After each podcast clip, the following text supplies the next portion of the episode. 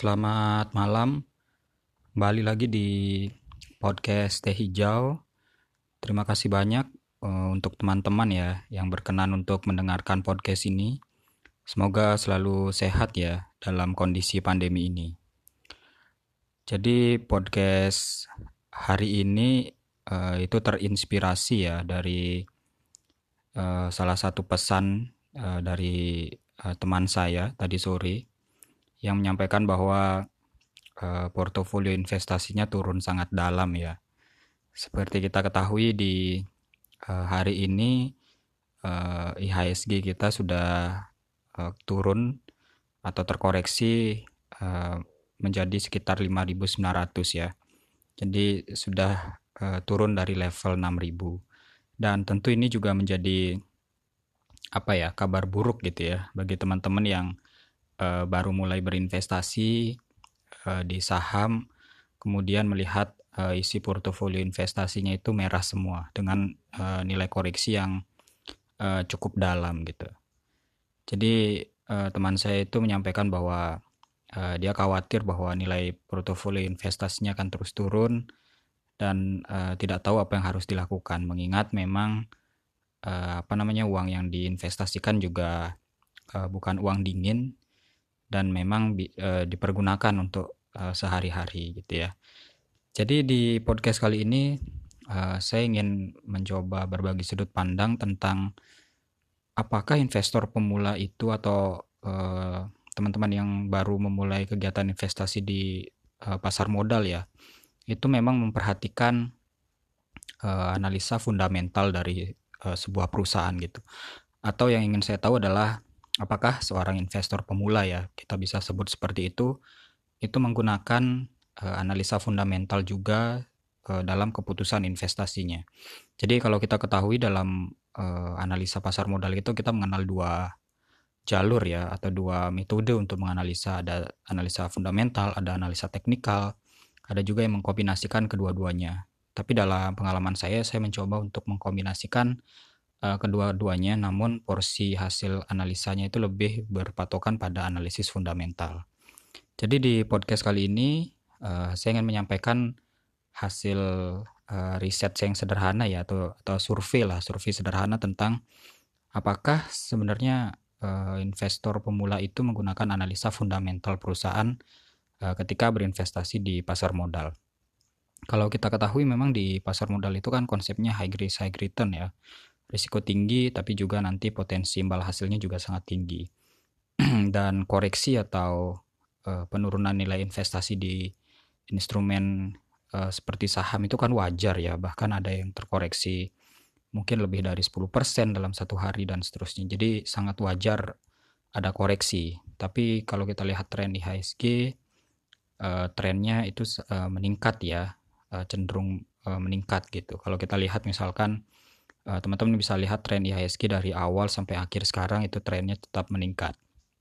Sehingga memang kita harus memberikan pemahaman kepada teman-teman investor pemula bahwa koreksi di uh, portofolio investasi khususnya di saham itu memang hal yang wajar dan memang kita harus menganalisa apa yang terjadi di pasar modal kita apakah uh, banyak investor yang profit taking atau yang mulai mengalihkan uh, pendanaannya ya dari uh, instrumen saham mungkin ke instrumen yang memiliki risiko lebih kecil misalkan reksadana atau mulai beralih ke instrumen investasi yang sekarang sedang masif ya misalkan aset kripto.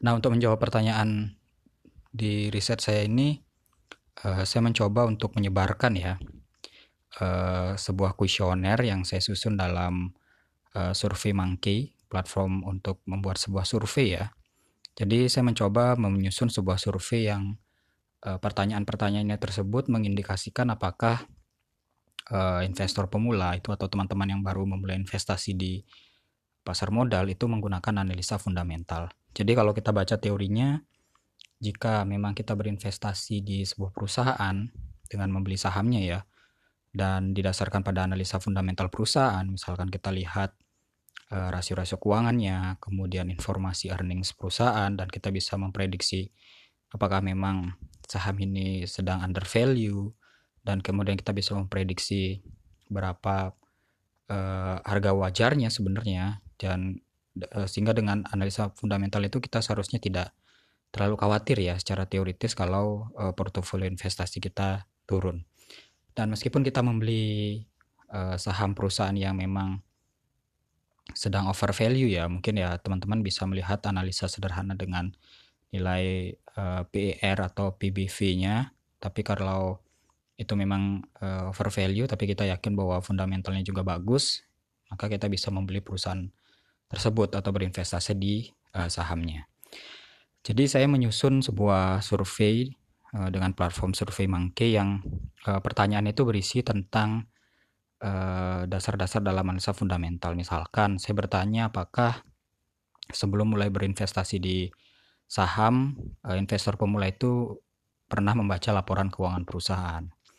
Kemudian saya juga bertanya apakah pernah membuka laporan tahunan perusahaan dan melihat tren uh, pendapatannya.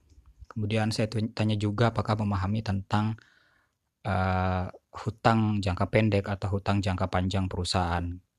Kemudian yang saya tanyakan juga apa pernah uh, membuka websitenya, kemudian membaca tentang uh, struktur organisasinya, misalkan mengenal tidak uh, komisaris atau dewan direksinya, kemudian pernah membaca tidak uh, tata kelola perusahaan seperti apa.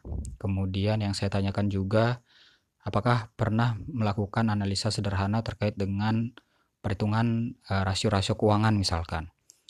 Kemudian saya tanya juga pernah tidak mengenal istilah atau mendengar istilah PR, kemudian PBV dan mengerti artinya gitu. Jadi itu beberapa pertanyaan yang saya ajukan dalam survei yang saya buat, survei sederhana yang saya buat untuk mengetahui apakah uh, investor pemula itu uh, menggunakan juga ya analisa fundamental dalam uh, membeli saham. Kalau kita ketahui kan beberapa uh, awal bulan ini ya ada perusahaan yang IPO, kemudian investor retail itu masuk semua sehingga harga apa kapitalisasi pasarnya sekarang sudah kalau tidak salah sudah lebih dari 100 triliun ya padahal secara fundamental perusahaannya belum belum begitu baik saya baca sehingga yang paling banyak membeli sahamnya itu adalah investor retail yang Eh, dalam tanda petik mungkin menginginkan keuntungan yang sangat cepat. Padahal kita tahu sendiri saham itu adalah instrumen investasi yang membutuhkan waktu atau time horizonnya itu panjang gitu sehingga memang pasar sedang tidak rasional. Eh, kita mengambil keputusan investasi bukan karena didasarkan pada hasil hasil analisis yang baik ya, baik itu secara fundamental maupun dikombinasikan dengan teknikal. Tapi karena informasi yang uh, liar di pasar dikatakan seperti itu. Jadi ada yang istilahnya pom-pom gitu ya uh, membuat informasi yang booming sehingga investor retail itu uh, ingin cepat-cepat membeli saham itu dengan asumsi bahwa mereka akan mendapatkan keuntungan yang secara cepat. Dan itu juga membuktikan bahwa ternyata kadang pasar tidak rasional juga. Artinya informasi yang diterima itu diambil uh, langsung tanpa ada jeda waktu untuk melakukan analisa lebih dalam. Dan dari hasil survei yang saya terima jadi saya sebarkan ini secara online ya. Saya taruh di status WhatsApp, kemudian di uh, story Instagram dan menggunakan metode lainnya. Itu jadi saya temukan ada sekitar 70 uh, eh, responden yang mengisi survei ini. Jadi memang karena ini adalah survei yang secara daring, saya tidak bisa mengatur uh, responden yang mengisi ya. Uh, tapi saya sudah isikan bahwa responden yang boleh mengisi adalah yang uh, baru memulai investasi di pasar modal gitu. Jadi saya isi rentang waktunya apakah kurang dari setahun, uh, apakah uh, lebih dari setahun atau lebih dari lima tahun gitu. Jadi yang kami analisa adalah yang menjawab uh, kurang dari setahun. Jadi as diasumsikan bahwa responden yang mengisi, mengisi ini adalah teman-teman kita di investor pemula yang berinvestasi mungkin di uh, 2020 atau ketika terjadi pandemi. Jadi yang mengisi kurang dari satu tahun itu sekitar 70 eh, responden. Kemudian untuk umurnya itu rentang dari uh, eh, 25 sampai 40 tahun. Jadi dari 70 responden yang kami asumsikan sebagai investor pemula itu rentang umurnya dari 25 sampai 25 tahun sampai 40 tahun. Kemudian latar belakangnya itu uh, lebih paling banyak sarjana ya sarjana atau pendidikan tinggi, perguruan tinggi dengan latar belakang ekonomi, latar belakang pendidikannya itu adalah sarjana ekonomi, uh, akuntansi itu kami jadikan satu atau bisnis itu sekitar 40% dan sisanya adalah non uh, ekonomi, latar belakang pendidikan tingginya. Sehingga asumsinya bahwa dari 70 responden itu 60 persennya adalah investor pemula yang uh, latar belakang pendidikannya bukan dari uh, ekonomi atau akuntansi atau baru benar-benar memahami uh, pasar modal. Kemudian di pertanyaan pertama kami uh, bertanya uh, dari mana mengetahui investasi pasar modal untuk pertama kalinya. Jadi yang menjawab uh, yang dari latar belakang ekonomi pendidikannya itu menjawab dari informasi di pendidikan ya. Jadi di bangku kuliah mereka sudah tahu tentang pasar modal. Tapi yang menarik bahwa yang sisa ini yang berasal dari latar belakang uh, non ekonomi atau akuntansi atau bisnis itu mengetahui pasar modal ternyata dari sosial media uh, atau dari uh, apa namanya Instagram misalkan atau dari status teman dan seterusnya. Tapi yang menarik bahwa mereka Eh, setelah kami coba chat beberapa orang itu tertarik untuk mengetahui pasar modal itu karena menjanjikan keuntungan yang tinggi. Jadi informasi yang disampaikan dari teman-teman yang mereka lihat di sosial media itu karena e, menaw apa ya memberikan informasi tentang keuntungan gitu. Jadi mereka melihat ada teman yang posting e, peningkatan portofolio investasi sahamnya. Gitu. Jadi mereka tertarik uh, karena memang didasarkan pada motivasi untuk mendapatkan keuntungan atau profit yang tinggi, tanpa mereka mengetahui bagaimana cara kerja dari uh, pasar modal tersebut. Itu pertanyaan pertama.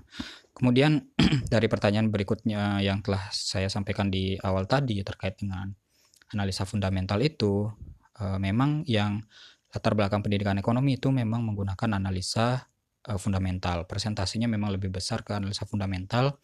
Tapi ketika e, berpraktek mereka menggunakan analisa teknikal lebih banyak karena memang e, agak susah menggunakan analisa fundamental. Benar-benar e, perlu analisa yang lebih lama. Sedangkan mereka berasumsi bahwa keputusan di pasar modal itu harus cepat sehingga analisa teknikal yang mereka pakai.